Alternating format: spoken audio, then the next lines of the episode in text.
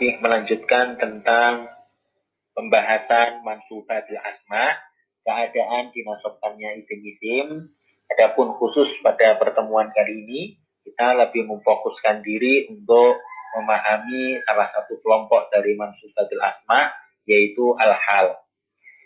Baik, eh, sebelum kita memasuki lebih rinci tentang hal-hal, maka baiknya kita melihat tentang definisi dari hal-hal itu sendiri.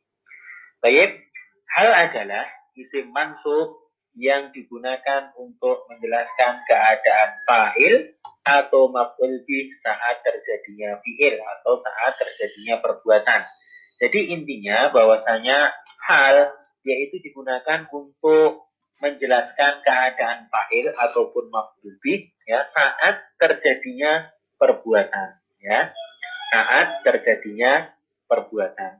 Biasanya hal itu diterjemahkan ya dengan istilah sambil atau dalam keadaan atau e, sedang ya seperti itu ya karena memang dia fungsinya untuk menjelaskan apa keadaan dari si fa'il atau maf'ul bih ya saat memang saat terjadinya suatu fi'il atau pekerjaan atau perbuatan. Baik. Misalnya kita sebutkan contoh di sini ya sebuah kalimat yang cukup uh, ringkas. Kita ambilkan contoh misalnya sholat Muhammadun qa'idan. Ya, Muhammad sholat ya dalam keadaan duduk. Nah, di sini ya qa'idan dia adalah sebagai hal ya, sebagai hal yang dia mansub ya, dia mansub ditandai dengan fathah ya, ditandai dengan fathah dan dia menjelaskan keadaan dari si fa'il ya. Fa'ilnya mana? Fa'ilnya adalah Muhammad ya. Nah, hal ini adalah menjelaskan keadaan si fa'il manakala terjadi suatu perbuatan yang dilakukan Muhammad adalah pada saat dia sholat.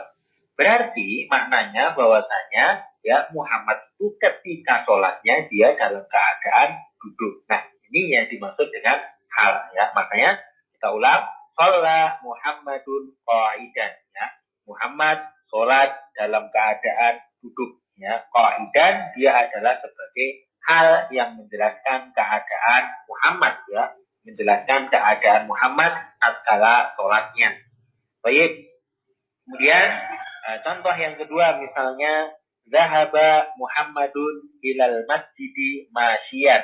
Misalnya kita buatkan contoh Zahaba Muhammadun ilal masjidi masyian. Muhammad pergi ke masjid dengan berjalan. Nah, halnya adalah masyian. Nah, masyian dia mansub ya karena memang dia sebagai hal yang fungsinya adalah menjelaskan keadaan si fa'il. Fa'ilnya siapa? Fa'ilnya adalah Muhammad ya. Pada saat terjadinya fi'il, fi'ilnya adalah sahabat. Ya. Berarti ya Masyian ini menjelaskan keadaan si Muhammad tatkala dia pergi. Ya, berarti ya memang di sini dijelaskan ya Muhammad itu perginya ya dengan ber, berjalan atau dalam keadaan apa berjalan ya masyian. Baik. Kemudian ya, kita ambilkan contoh yang lain. Misalnya ro'aitu al-ustaza rotiban. Misalnya ya Ro'aitu al-ustaza rokiban.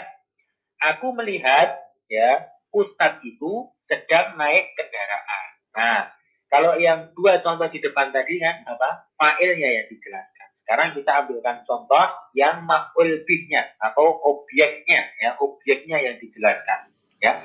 Ro'aitu al-ustaza. Aku melihat ustaz ya ustadznya itu dalam keadaan keadaan apa tatkala kita lihat? Yaitu rokiban oh dia itu sedang naik kendaraan ya kami kira dapat dipahami sedikit gambaran ya secara global tentang hal-hal ya. Nanti insya Allah kita akan lebih detail lagi dalam menjelaskan tentang hal ya baik mengenai tentang ketentuan-ketentuan dari hal tersebut ataupun macam-macam dari hal-hal